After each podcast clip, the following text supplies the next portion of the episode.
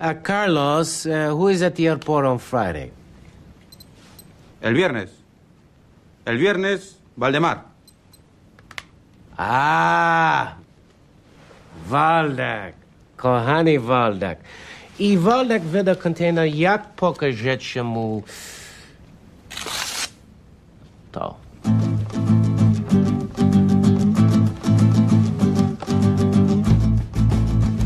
A druga połowa będzie miał Jan Waldak.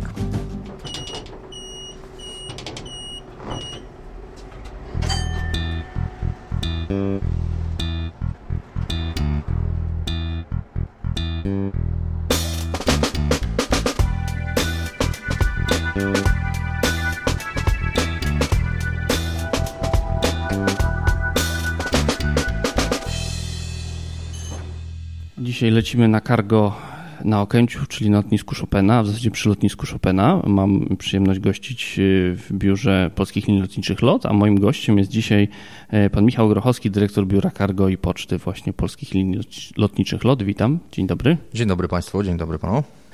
Przed naszą rozmową pozwoliłem sobie spojrzeć na dane, które Urząd Lotnictwa, Lotnictwa Cywilnego publikuje na temat cargo odprawianego w polskich portach lotniczych. No i byłem dość zaskoczony pozytywnie, bo raz, że nie tylko te dane są lepsze niż jeszcze w tym pandemicznym roku 2021, ale cargo lotniczego w Polsce odprawia się więcej niż przed pandemią. Jak to jest możliwe? Czyżby okazało się, że obważenie pasażerów jest lepszym interesem, czy znaczy wożenie cargo jest lepszym interesem niż wożenie pasażerów, czy to tylko kwestia wojny i odprawy przesyłek, nazwijmy to specjalnych, związanych właśnie z misją, czy to humanitarną, czy wojskową? A tutaj udzielę obszern, obszerniejszej odpowiedzi chyba niż się pan spodziewał. Mianowicie a, jesteśmy w sercu cargo polskiego, tak? czyli u największego przewoźnika, narodowego przewoźnika. Zasadniczo unikamy e, słowa przesyłka, e, bo ona jest charakterystyczna dla mm, rynku kurierskiego. E, to nie jest rynek, na którym my pracujemy. Rynek kurierski to jest rynek przede wszystkim B2C, tak, business to customer, a linie lotnicze pracują w reżimie business to business.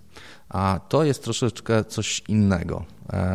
Dla ludzi spoza branży jest to element, który bardzo łatwo próbują zrównać, ale w praktyce są to dwie bardzo, bardzo różne dyscypliny. To tak jak tutaj mamy piękny widok na staw, woda słona i woda słodka. Na pozór wygląda tak samo, ale ma zupełnie inne ma zupełnie inne właściwości, mimo że ryby też wyglądają podobnie, ale one są inne. Jedna w drugiej po prostu nie przeżyje. Dlatego my nazywamy naszą pracę ładunkami lub po prostu cargo.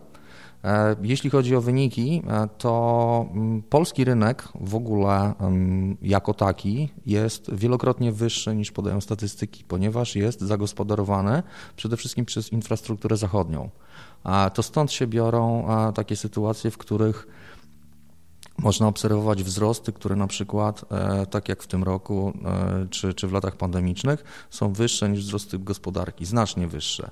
I tutaj e, ludzie często zachodzą w głowę, jak to się dzieje. Tak? A to wygląda w ten sposób, że jeśli linie lotnicze, czy lokalni przewoźnicy, czy tacy, którzy operują na polskiej infrastrukturze, są na tyle skuteczni, że potrafią pozyskać część tego biznesu, który normalnie jest obsługiwany przez infrastrukturę zachodnią, to wówczas wykazują, że polskie statystyki znacznie rosną. Ale rynek, on jest rynek mierzony tym, co na nim występuje w ogóle, e, jest znacznie, znacznie wyższy. Ja oceniam go 4 do 5 razy wyższy niż on jest w statystykach normalnych. Natomiast w naszym wypadku a ta sytuacja ma miejsce dlatego, że mm, oferowanie czy też e, e, przestrzeń, którą my zarządzamy, e, nam wzrosła w tym roku. To znaczy tych pasażerów, szczególnie w pierwszym kwartale, było mniej. W związku z tym payload, przestrzeń, którą my możemy zagospodarować na wożenie cargo, była dla nas wyższa, ponieważ wiemy, jak to robić, żeby skutecznie pozyskać tą część rynku, która która nie jest widoczna w normalnych statystykach, potrafimy podjąć, te, e, podjąć dyskusję biznesową w ten sposób, żeby skutecznie skierować ją na nasze pokłady. Dzisiaj po pierwszym półroczu my mm, jesteśmy przewoźnikiem, który osiąga mniej więcej 30 tysięcy ton, przekracza, czyli e, to jest o kilkanaście procent więcej niż normalnie. W normalnych latach, kiedy y, samoloty są pełne pasażerów. Trzeba pamiętać o tym, że samolot pełny pasażerów ogranicza payload cargo. On nie robi tego w takich samolotach jak Boeing 787 znacznie, ale jeśli chodzi o wagę, ale jeśli chodzi o objętość, już tak, dlatego że oczywiście bagaż pasażerski i e, wszystkie elementy, które są związane z obsługą samolotu e, i jest e, ten element przedmiotem umieszczenia w lukach bagażowych, ogranicza przestrzeń cargo. Ponieważ tych pasażerów jest mniej, czy było mniej w tym pierwszym półroczu, to ta przestrzeń, szczególnie w pierwszym kwartale, to ta przestrzeń dostępna dla nas była wyższa. To również były te elementy, które wykorzystywaliśmy w rejsach naszymi samolotami własnymi e, w opcji all cargo, czyli bez pasażerów w ogóle. Jesteśmy też dumnymi posiadaczami rekordu załadunku e, Dreamlinera Dash 9 e, w cargo bez pasażerów. Normalnie, to ciekawostka, normalnie takie, taki samolot referencyjnie określamy jako maksymalnie 13,5 tony do zabrania na pokład dolny z pasażerami. Gdy tych pasażerów nie było i nie mieliśmy żadnych ograniczeń, taki samolot został w relacjach e, indyjskich, bo kilka rekordów tam pobiliśmy. E, jeden z nich, ten najwyższy oczywiście, który e, dzisiaj jest w ogóle niewyobrażalny, przekroczył 57 ton. Czyli z 13,5 na 57 ton. Na drodze by to nie było możliwe bez y, mandatu od Inspekcji Transportu Drogowego. Pewnie tak, ale tu oczywiście e, tutaj mieliśmy stosowne, e, stosowne uprawnienia e, potwierdzone przez EASA oraz Urząd Lotnictwa Cywilnego, jak i producenta samolotu. Jakby spojrzeć na to, ile było lotów przed pandemią takich full cargo, których nie było pasażerów, a ile jest teraz, to jakby pan mniej więcej, jeżeli można powiedzieć, ile takich lotów jest i czy one w ogóle wcześniej były na taką skalę w ogóle?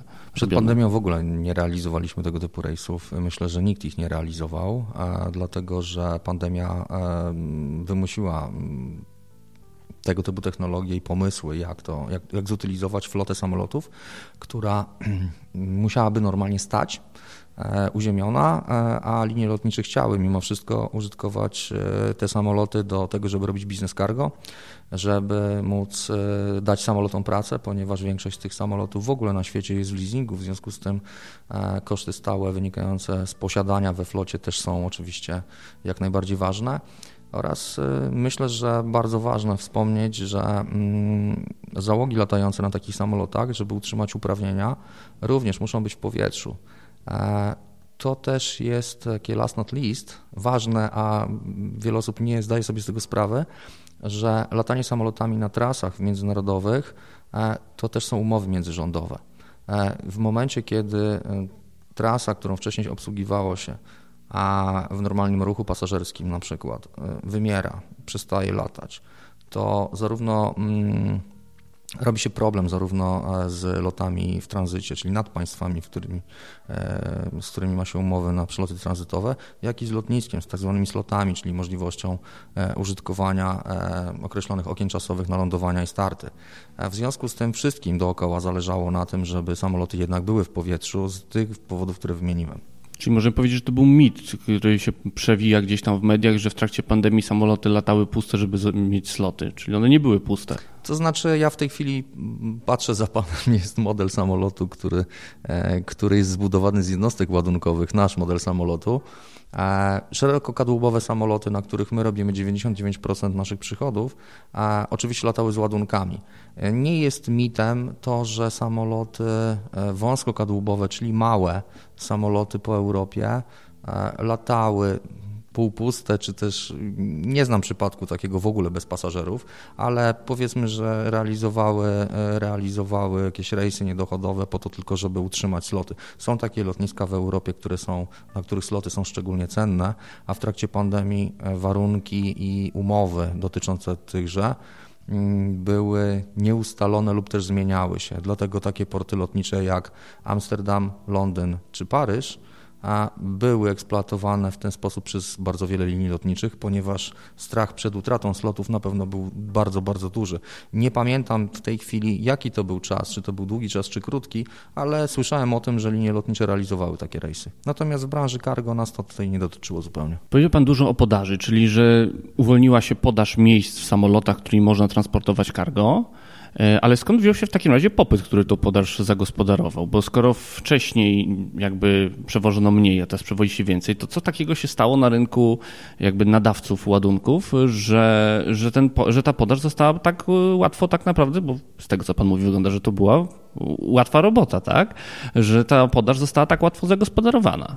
E, no i tak i nie. To znaczy, no, pierwsza, pierwsza część pytania wiąże się e, raczej z obecnością flot na świecie, czyli ogólnie, mm, ogólnie posiadanym miejscem. Trzeba sobie e, wyobrazić, że znaczną część ładunków cargo realizują samoloty pasażerskie na swoich dolnych pokładach, że mm, samoloty frachtowe, które są zbudowane czy też przebudowane do roli e, wożenia wyłącznie ładunków bez pasażerów, stanowią mniejszość na świecie i tak jest do tej pory, mm, ponieważ po pandemii ten czas wymusił redukcję i oszczędności, to mm, samoloty pasażerskie zwyczajnie uziemiono w dużej części.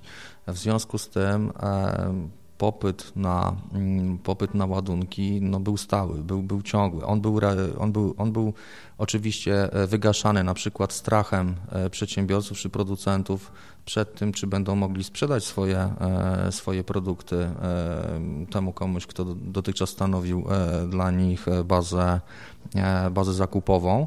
Natomiast z drugiej strony jest też taka sytuacja, w której, w której budowano zupełnie z drugiej strony budowano też stoki magazynowe właśnie e, produktów, które były konieczne do produkcji jakichś elementów, które są stricte bardzo wrażliwe. Zazwyczaj są cztery takie grupy towarów, które mm, nie mają tendencji do uciekania, uciekania tak, czyli migracji na transport morski, który stanowi e, przede wszystkim e, modelowy, modelowy rodzaj transportu międzynarodowego.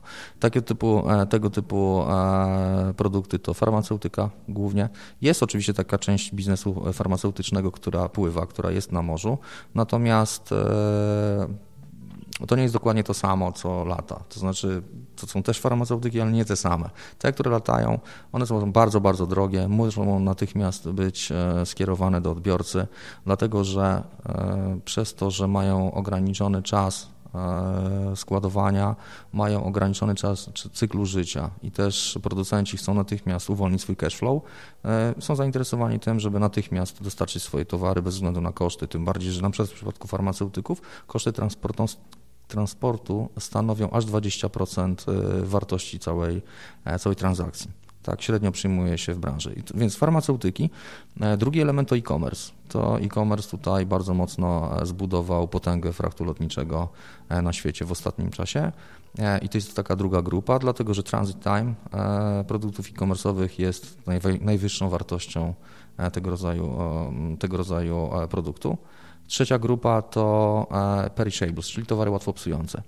Są takie, są takie produkty żywnościowe, które nie mogą być e, skierowane na morze z uwagi na to, że po prostu mogą się zepsuć. Do nich należą na przykład kwiaty cięte albo popularne na świecie mango, które sezonowo zajmuje bardzo poważne przestrzenie e, w samolotach komercyjnych. Na naszych pokładach również mamy przepotężne ilości mango, na przykład z Indii. E, ostatnią grupą to jest przemysł e, aerospace, przemysł lotniczy, ponieważ mm, kooperacja lotnicza na świecie to jest prawdziwa globalizacja, ona jest chyba największa ze wszystkich gałęzi w ogóle przemysłu, a nie można sobie pozwolić na to, żeby po prostu fabryka, na przykład Prata Whitneya w Kanadzie, która kooperuje z polskimi zakładami, z chińskimi, hinduskimi, po prostu mm, poprzez brak komponentów do e, złożenia e, silników linii stanęła.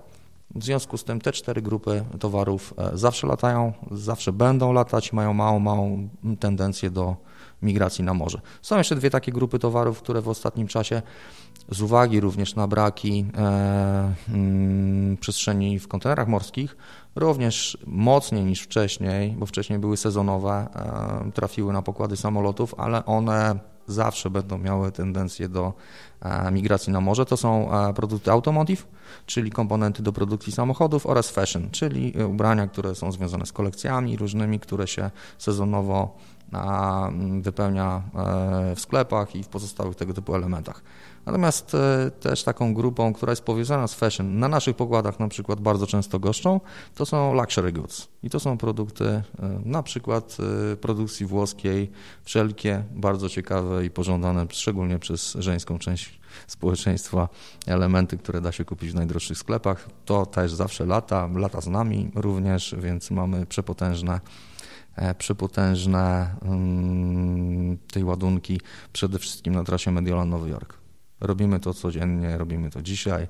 Wiemy też, jakie są łańcuchy dostaw, są bardzo ciekawe. Tu szczegółów może nie chciałbym zdradzać, ale taka operacja w ramach Luxury Goods też jest przepotężnie globalna. To znaczy zdarzają się takie sytuacje nagminnie, że te takie super drogie e, rzeczy, zanim zostaną w Mediolanie skomponowane jako, e, jako finalne, odbywają podróż po świecie po to, żeby w różnych krajach, również tańszych, e, zostały w jakiś sposób przerobione i trafiły ponownie do Włoch, żeby zrobić z nich te takie najdroższe torebki lub też ubrania, które zostaną wytransferowane do Stanów Zjednoczonych, przede wszystkim do Stanów. Z tych wszystkich y, dóbr, które latają samolotami, które Pan wymienił, y, na pewno nie dziwią y, farmaceutyki, na pewno nie dziwi e-commerce, który w obliczu zatkania się portów morskich i ogólnie problemów logistycznych w pandemii no, na pewno stał się pożądany, jeżeli chodzi o transport lotniczy. Automotive również nie dziwi, ale zabrakło mi tutaj właśnie e, kwestii, która na pewno wszystkich interesuje, mianowicie to, co dziś jest wysyłane na pomoc Ukrainie. Na pomoc, nazwijmy to, humanitarną, i pomoc militarną. O tej drugiej podejrzewam, że z pewnością mi Pan nic nie powie, bo pytałem między innymi w porcie lotniczym w Rzeszowie i powiedzieli, że chętnie porozmawiamy, ale jak się wojna skończy. Natomiast y, jak wygląda kwestia tych przesyłek na pomoc Ukrainie, o których możemy powiedzieć? A to, to jest bardzo, bardzo się cieszę z e, tego pytania, mm, dlatego że mm, tu chciałbym odczarować kilka mitów, które e, zazwyczaj krążą e, w przestrzeni bardzo poważnie globalnej, publicznej i Kryzys wywołany wojną w Ukrainie spowodował oczywiście olbrzymi popyt na środki, e, na środki e, ochrony osobistej i medykamenty i wszystko to, co humanitarnie jest potrzebne do, e, do zapewnienia jakiegokolwiek komfortu uchodźcom. Natomiast jest taka mm, bardzo, bardzo ciekawa sprawa z tym związana. My oczywiście uczestniczymy tak jak możemy w podobnych przedsięwzięciach, również na naszych pokładach tego typu cargo się znajduje, ale ono nie ma żadnej dużej skali. Już tłumaczę dlaczego. Dlatego, że mm, bardzo wiele fundacji, organów e, publicznych, e, osób prywatnych, firm e, mm, wyobraziło sobie bardzo szybko, że linie lotnicze, nie tylko nasze, to jest taki jeden wielki paczkomat, do którego można cokolwiek wrzucić i wyjąć po prostu po wylądowaniu. To zupełnie tak nie wygląda, ponieważ znaczna część takich, takich, takiego cargo jest generowana za oceanem, do Rzeszowa, to co trafia również, e, to mm, mamy taką sytuację, że my jesteśmy pasażerską linią lotniczą, a e, dominującą e, częścią tego biznesu, biznesu, jeśli mogę tak to nazwać, ale kreatorem tego, tego trafiku są fundacje przeróżne. Fundacje, które przeprowadzają zbiórki i, i pozostałe takie organizacje, które chcą bardzo z dobrego serca, z dobroci serca wesprzeć e, uchodźców. No niestety tutaj e, mierzymy się z prawem e, amerykańskim, które uniemożliwia transport samolotem pasażerskim towarów, które są pochodzenia unknown shippers, czyli nie mają statusu bezpiecznego prosto od drzwi, które, które, od drzwi shippera, czyli nadawcy, mm, do którego trafiają na lotniska. Oznacza to, że nie wolno samolotu w reżimie pasażerskim, a w takim reżimie latamy do Stanów Zjednoczonych, włożyć takiego cargo na nasz pokład. W związku z tym e, mieliśmy na początku bardzo wiele rozczarowań płynących z tego, ale to nie jest nasza decyzja, to jest decyzja władz lotniczych amerykańskich. E, rozwiązaniem na to, rozwiązania na to są dwa. Robiliśmy, my robimy tego typu rzeczy, że w Kanadzie na przykład jest to możliwe, żeby takie, takie cargo ładować na, na, na samoloty pasażerskie. Ono jest oczywiście sprawdzone, przeskanowane, przeskrinowane i sprawdzone pod kątem bezpieczeństwa, ale mm, sytuacja wygląda w ten sposób, że realizujemy również teraz tylko to nie jest, nie jest tego dużo, tak? Realizujemy transfer do Kanady i stamtąd lecimy do Warszawy. Jeśli, za, jeśli jednak e, dana fundacja, czy też dana, dana, organizacja jest w stanie pozyskać z jednego źródła materiały, które chce wysłać i to źródło ma status bezpieczny według FAA, to wtedy nie widzimy żadnego problemu i taka realizacja ma miejsce. Natomiast to jest stosunkowo duża rzadkość. W związku z tym Fundacje szukają przede wszystkim miejsca w samolotach frachtowych, często również firm kurierskich i e, z uwagi na to, że e, transport jest realizowany wtedy w reżimie CAO, tak? Cargo Aircraft Only, CAO, to tego typu transporty są możliwe. U nas one nie dominują. Bywały, bywają, e, ale nie dominują z uwagi właśnie na to, że są przepisy. Te przepisy zresztą e, wprowadzono po katastrofie w Lockerbie, Panamu i do tej pory Kongres Amerykański nie bardzo ma ochotę, żeby je zmieniać, ponieważ zawsze znajdą się orędownicy e, absolutnego bezpieczeństwa i tutaj nie ma dyskusji z tym żadnej. Natomiast jeżeli myślimy o tym, jak cargo dzisiaj wygląda, jak może wyglądać w przyszłości, czy to jest y, ten wzrost, o którym Pan mówił, y, to on y, jakby może postępować dalej, czy to jest ta droga, którą teraz linie lotnicze w obliczu najróżniejszych problemów, tak? Zamknięcia nieba nad Federacją Rosyjską, wciąż jeszcze problemów pandemicznych w Azji, czy też choćby z jakichś przyczyn typu ten lęk przed lataniem związany z klimatem, czy to jest jakiś element, w którym dzisiaj linie lotnicze, w szczególności linie lotnicze LOT, są w stanie zagospodarować rynek, zagospodarować swój potencjał, żeby bardziej rozwijać się właśnie w kierunku cargo niż w kierunku pasażerskim? No może nie aż tak, żeby, żeby się rozwijać tylko w tym kierunku, ale e, muszą, one muszą. Po prostu e, z uwagi na to, że ostatnie lata, e, a mówimy o biznesie, biznes lotniczy jako taki to jest bardzo niskomarżowy biznes.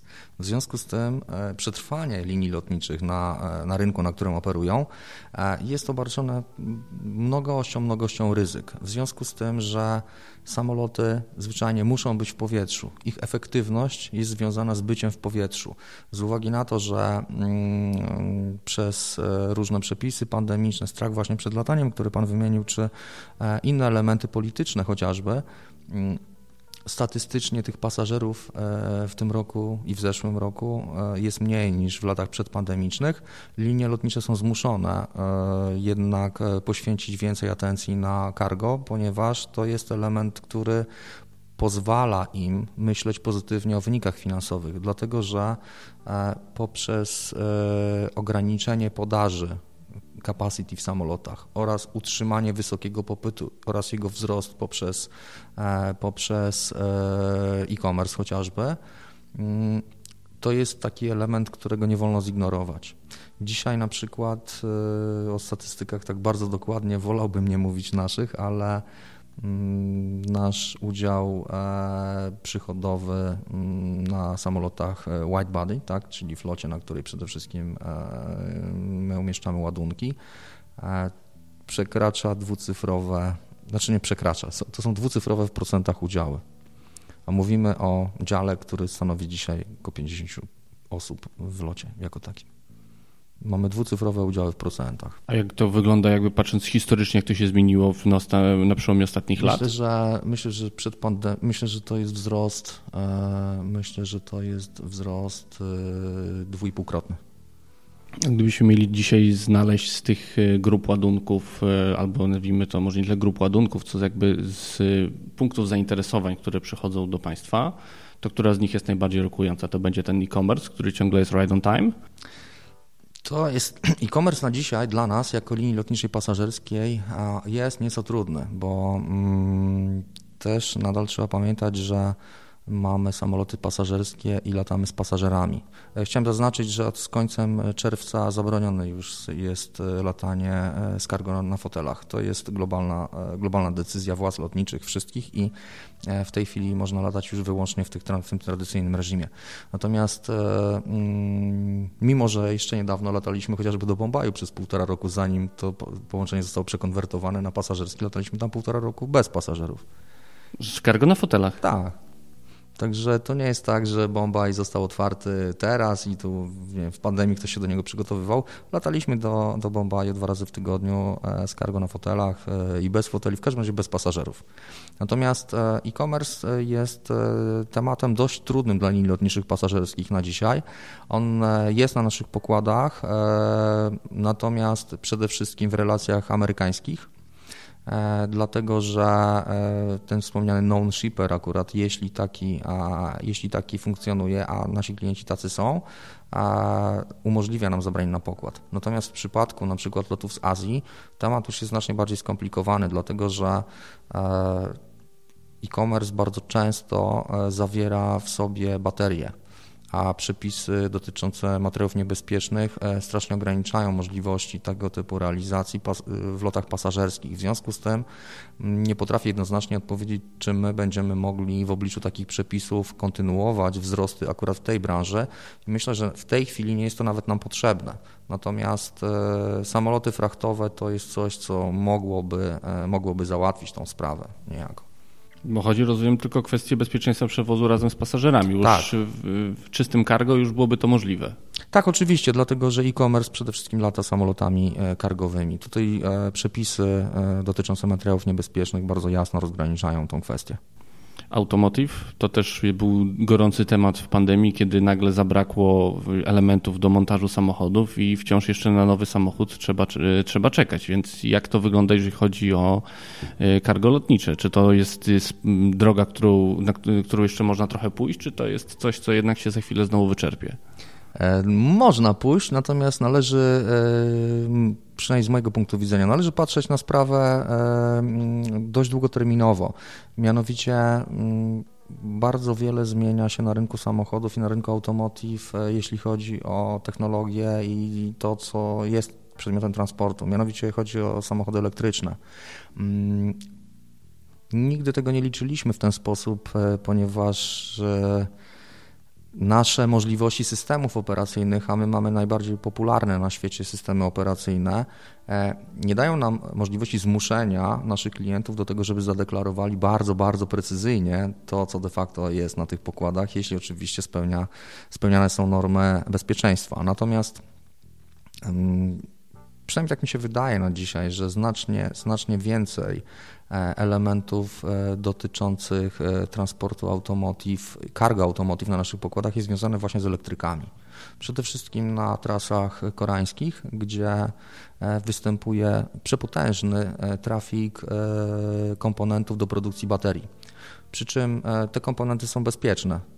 Mm, mam na myśli tutaj mm, pewne metale w, w postaci pyłu i fabryki ulokowane w Polsce też, czy też w tej części Europy, które e, zajmują się przetwarzaniem i tego typu elementów i produkcją baterii, mają przepotężne w tej chwili przepotężny, przepotężny, generują przepotężny popyt na nasze usługi i myślę, że jest tego więcej, jest to atrakcyjniejsze również cargo dla nas niż transport nie wiem, poduszek bezpieczeństwa albo, albo elementów e, silników do Meksyku, który zawsze był takim generatorem przepotężnego cargo z tej części Europy. Myślę, że te elementy baterii e, do pojazdów elektrycznych, to nie tylko samochody, e, to jest coś, co dzisiaj w ramach automotive, automotive dominuje na naszych pokładach. Kiedy mówimy o przyszłości y, cargo lotniczego, no to nie sposób wejść na temat, który jest absolutnym hitem sezonu ogórkowego, czyli centralny port komunikacyjny. Już jakiś czas temu było wspominane, że w CPK ma być również terminal cargo, że cargo będzie ważnym elementem e, w CPK. Jak pan patrzy na ten projekt z punktu widzenia e, tego, jak zagospodarować to pod względem ruchu cargo? Ja akurat mam tą ten przywilej bycia blisko e, projektowania centralnego punktu, e, portu komunikacyjnego z uwagi na to, że Polska Grupa Lotnicza jest jednym z głównych interesariuszy e, tego portu. A nie zdradzając szczegółów, mogę powiedzieć, że projekt lotniska istnieje i w tej części, którą, która jest mi znana, czyli odpowiadająca za cargo, spełnia wszystkie aktualne i przyszłe, znane na teraz wymagania dużego i skutecznego portu lotniczego w ramach cargo. E, zarówno jeśli chodzi o ruch typowo kurierski, czyli e, to, co wcześniej powiedziałem, w ramach B2C, jak i dla tradycyjnych linii lotniczych. Przy czym to lotnisko w naturalny sposób rozwija swoją infrastrukturę, czy też chce je zbudować, bo takie plany są absolutnie jasne, tą infrastrukturę pod pracę z frachtowcami. My też nie wykluczamy, że kiedy zostanie otwarte polskie linie lotnicze LOT, również taką flotę, na taką flotę e, potencjalnie mogą się zdecydować. Oczywiście takie analizy prowadzimy, pracujemy nad tym, e, ale z mojego punktu widzenia mm, akurat e, lotnisko w tej części Europy, tu nawet nie chodzi o Polskę, w tej części Europy, to jest coś, co jest zdecydowanie potrzebne. I to z bardzo wielu przyczyn. Pierwsza przyczyna, absolutnie taka dla mnie jasna i czytelna, to zagospodarowanie lokalnego rynku, który jest bardzo duży. Jeśli dzisiaj, e, ja mam przed sobą nawet statystyki e, pierwszego półrocza, jeśli, jeśli dzisiaj e, patrzę, że w trakcie pierwszego półrocza mamy 25 tysięcy ton eksportu. Zazwyczaj eksport jest dwukrotnie niższy niż import, czyli mamy 75 tysięcy ton cargo lotniczego E, i w całym roku możemy spodziewać się go 150 tysięcy ton. Obieram to absolutnie i odrzucam kurierski, e, kurierski frakt. To nie jest coś, o czym rozmawiamy. To, to, to, to jest wzrost, który będzie wzrostem 30% do, do, do, do ubiegłego roku. E, to jest tylko wzrost cargo przepuszczonego przez polską infrastrukturę, bo ja oceniam nasz rynek na 500 tysięcy ton. I to jest rynek tylko i wyłącznie polski. Biorąc pod uwagę e, tylko kraje wyszehradzkie plus e, kraje bałtyckie, być może Rumunię, która jest również e, bardzo, bardzo poważnym generatorem przede wszystkim eksportu lotniczego, e, to nasza część Europy rocznie bardzo łatwo osiąga 1,5 miliona ton rocznie. Takie lotnisko jak Frankfurt, które jest głównym beneficjentem e, jako infrastruktura naszego rynku, e, w najlepszych swoich latach osiągało 2,4 miliona ton rocznie. W związku z tym jest się o co bić. E, ja oceniam też, że około 20% konsolidacji realizowanych we Frankfurcie i w Amsterdamie to jest cargo z naszych, z naszych tutaj państw Grupy Wyszehradzkiej plus Rumunii i Bałtyków. W związku z tym tego rynku jest naprawdę bardzo, bardzo dużo.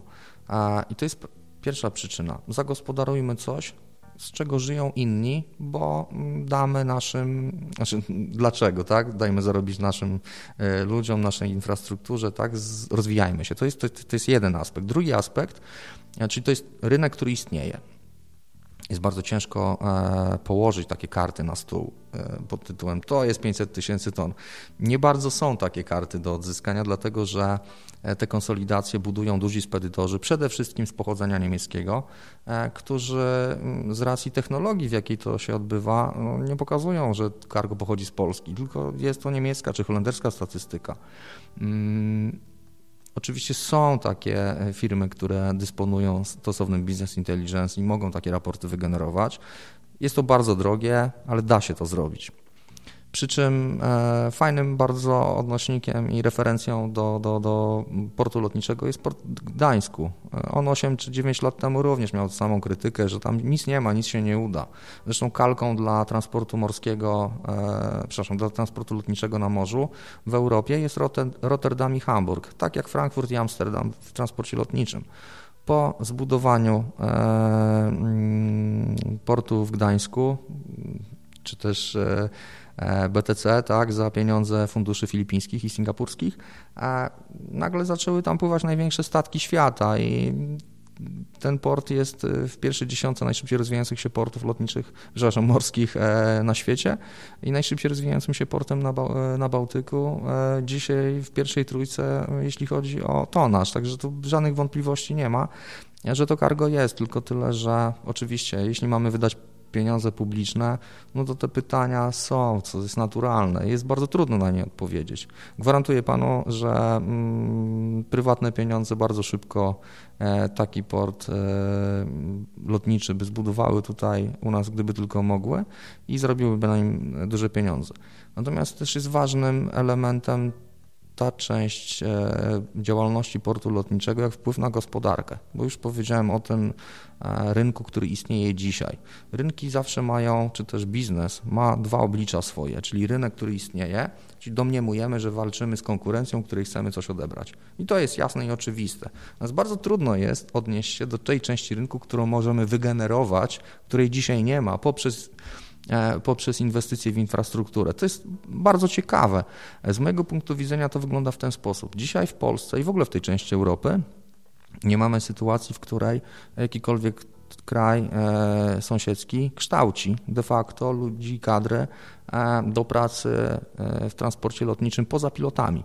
Tego typu kształcenia nie ma. Reszta tych ludzi, która pracuje w tej branży, to jest mniej niż bardziej przypadkowi naturszczycy, którzy E, pokochali lotnictwo, znają je albo w jakiś tam sposób e, byli związani z kawałkiem tego lotnictwa. Na przykład Natomiast branża cargo zupełnie nie ma żadnego kształcenia, absolutnie żadnego. Ja na przykład jestem, e, mam co prawda tytuł magistra inżyniera w temacie dotyczącym sterowania ruchem lotniczym, więc jestem blisko, ale de facto e, ja swoje wykształcenie zbudowałem na e, doświadczeniu, które zdobyłem w wielkich korporacjach, które zajmowały się frachtem lotniczym. Nie ma takiego, nie ma takiej, takiej uczelni w Polsce, która kształtuje tego typu, tego typu edukację Natomiast e, wracając do, e, do tego pytania, mm, ta druga część rynku to jest rynek, który możemy wygenerować.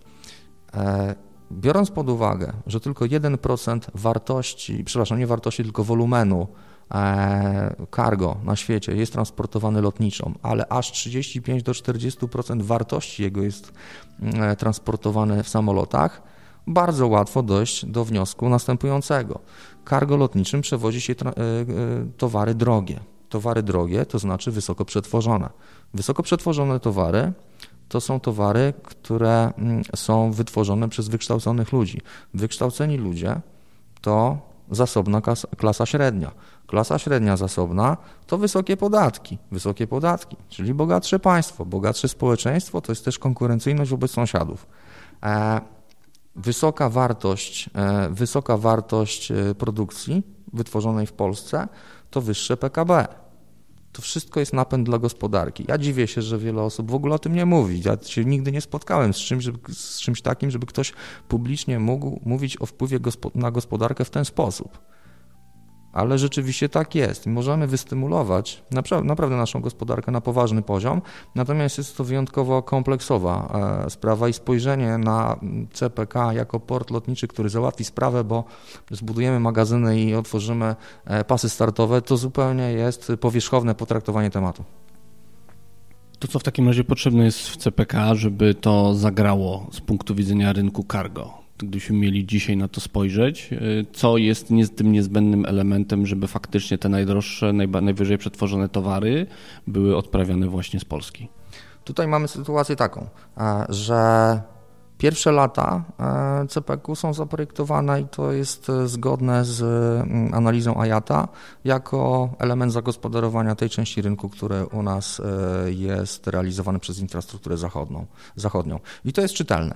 Natomiast no zdecydowanie kształcenie. Zdecydowanie kształcenie i spojrzenie na gospodarkę w sposób, w sposób taki, w którym infrastruktura jest częścią oferty dla nowo powstających przedsiębiorstw, nowych inwestorów z zagranicy oraz tych istniejących tutaj. Dlatego, że powszechnym jest, i ja mam takie doświadczenie, doświadczenia również, powszechnym jest na przykład e, przybywanie nowych inwestorów do Polski bez e, tej części oferty, którą otrzymują od gospodarzy, którzy zachęcają ich tutaj do nas, żeby, żeby przyszli.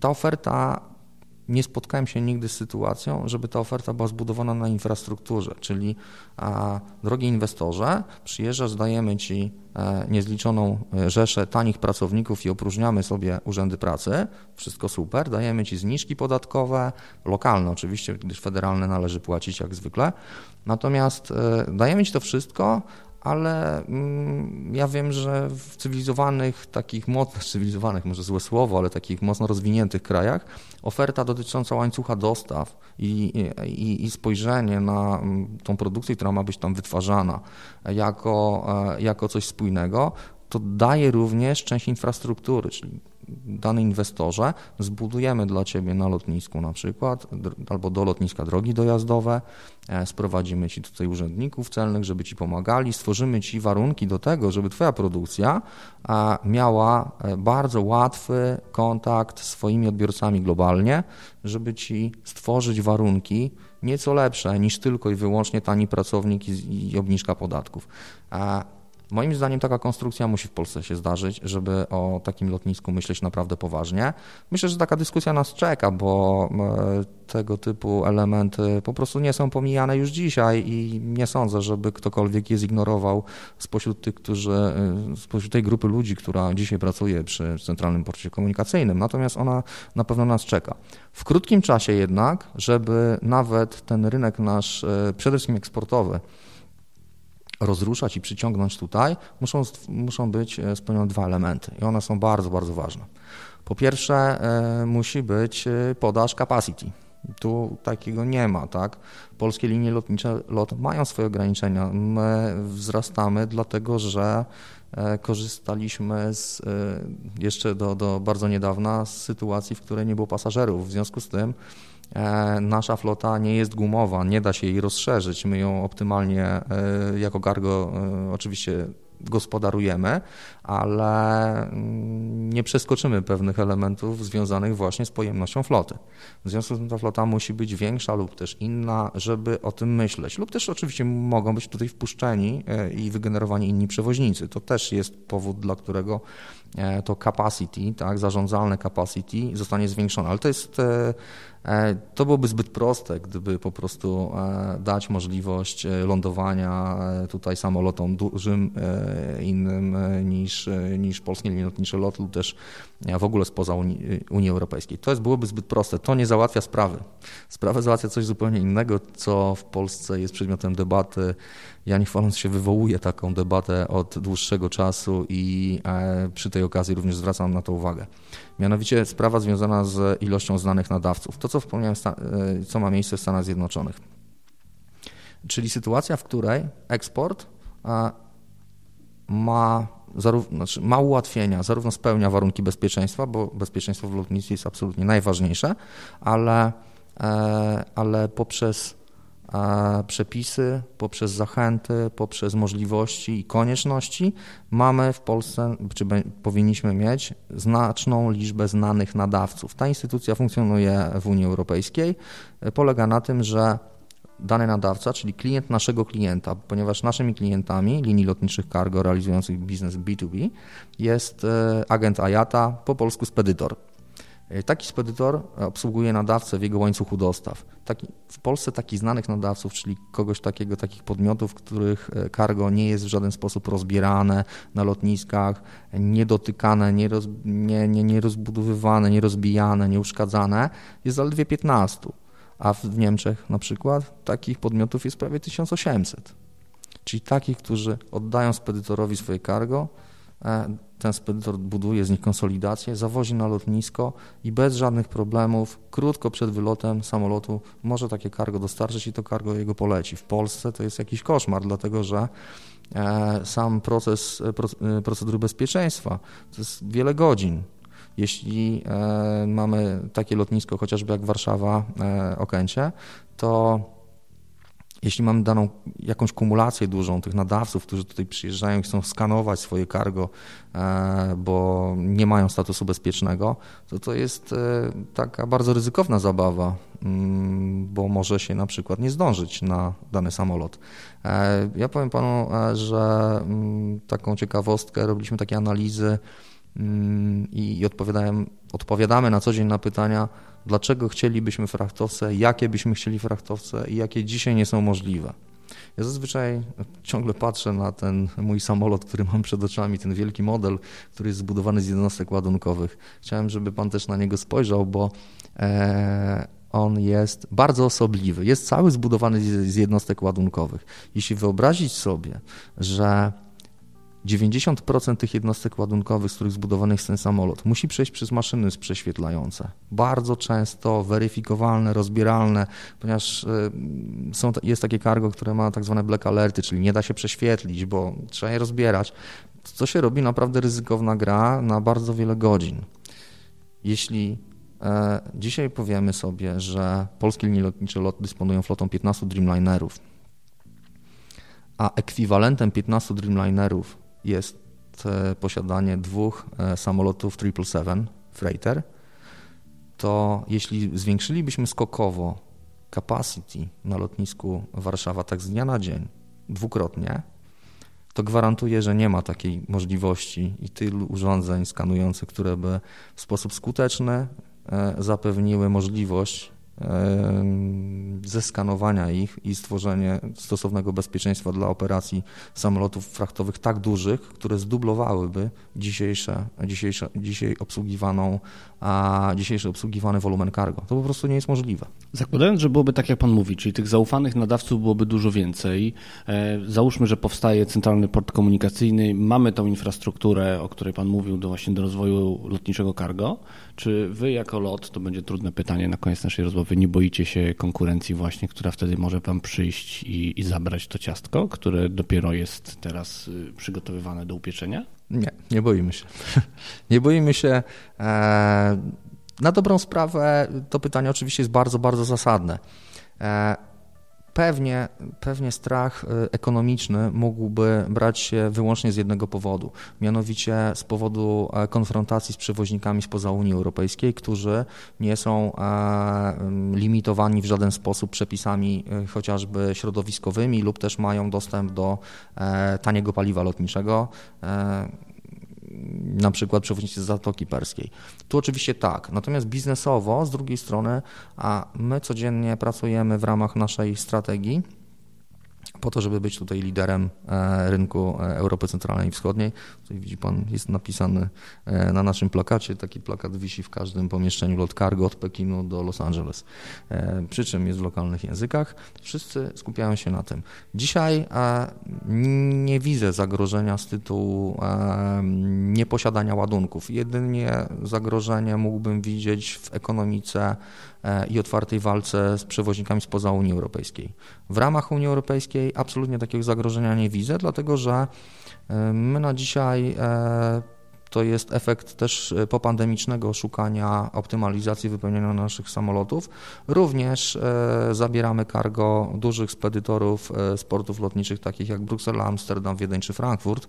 W związku z tym nasze relacje biznesowe z głównymi graczami globalnymi na rynku są absolutnie dobre i absolutnie uprawniają nas do myślenia, nie musimy się bać takiej konkurencji, ponieważ dwa lata temu mniej więcej e, intencjonalnie i strategicznie wskoczyliśmy do tego, mm, e, do tego koszyka globalnych graczy, mimo że mimo wszystko jesteśmy na świecie małą linią lotniczą, a w Europie co najwyżej średnią, to tak, uczestniczymy, e, uczestniczymy w, globalnym, w globalnej grze, w globalnym łańcuchu dostaw z największymi, Oczywiście nie pomijając tych mniejszych, ale znaleźliśmy się tam intencjonalnie. Chcieliśmy tego. E, powiem więcej. E, cargo skonsolidowane, czyli cargo, które nie jest e, mm, elementem pojedynczych kartonów palet i podobnych spraw, tylko jest cargo zbudowane w jednostce ładunkowej.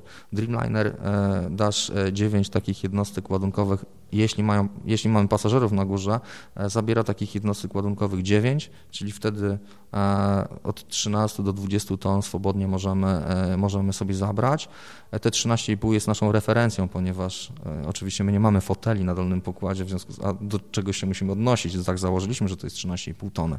Natomiast Takich pozycji e, paletowych tam mamy 9 i na takich 9 pozycji paletowych, jeśli, jeśli nie jesteśmy zmuszeni do tego, żeby e, je kompletować z pojedynczych małych, dużych, średnich, przeróżnych e, elementów, tylko oddajemy je do produkcji spedytorom, to wówczas jest to po prostu dla nas bardzo wygodne, a lepsze, skuteczniejsze dla spedytorów to jest również tak naprawdę treść ich pracy. Chcę powiedzieć, że w tym roku w grudniu zaplanowaliśmy sobie to, żeby pod koniec roku 25% e, naszego cargo było zbudowane na jednostkach ładunkowych. Myślę, że ten cel jest niezagrożony i będziemy dalej e, nie ustawać w wysiłkach, żeby próbować rynek, może nie to, że zmusić, ale zachęcić do tego, żeby, e, żeby w Polsce spedytorzy byli spedytorami, czyli robili konsolidację Fajnie to wygląda. Ja się bardzo cieszę z tego, że nam się naprawdę to udaje robić, bo nikomu wcześniej chyba nawet nie przeszło przez głowę, żeby w takiej technologii pracować, a taka technologia jest powszechna właśnie tam, gdzie są dojrzałe rynki, dojrzałe lotniska. Cóż, pozostaje życzyć, żeby rynek e, lotniczy, e, rynek cargo w Polsce dojrzewał jak najlepiej, jak mango, które Państwo wozicie. Aż, aż przyznam szczerze, że nawet zgłodniałem na myśl o tym mango. Michał Grochowski, y, Polski Nie Liczy Lot. Bardzo dziękuję za rozmowę. Bardzo dziękuję. Dajcie znać, jak Wam podobał się dzisiejszy odcinek. Przypominam, że ten odcinek, a w zasadzie jego temat, został zaproponowany przez jedną z patronek. Jeżeli chcecie proponować własne tematy, zachęcam Was do wybrania najwyższego progu y, patronażowego na patronite.pl. A przy okazji Pozdrawiam serdecznie i dziękuję za wsparcie wszystkim patronom, a w szczególności tym, którzy korzystają z biletów okresowych. Są to Paweł Szczur, Tomasz Tarasiuk, Andrzej Kaszpir, Kaźmirowski, Monika Stankiewicz, Peter Jancowicz, Jerzy Mackiewicz, Jakub Kucharczuk, Michał Cichosz, Łukasz Filipczak, Filip Lachart, Jurek Gozdek, Kuba Czajkowski, Piotr Rachwalski, Grzegorz Omankenich, Jakub Burdziński, Paulina Matysiak, MP, Michał Jankowski, Jakub Kundzik, Rafał Pieszała, Piotr Gramaski, Hubert Peliński, Piotr Krasiński, Adam Zając, Jacek Fink-Finowicki, KMZ, Jacek Piotr Cegiełka, Mariusz Herhold i Daniel Kar. Jeszcze raz dziękuję wszystkim za wsparcie. Do usłyszenia.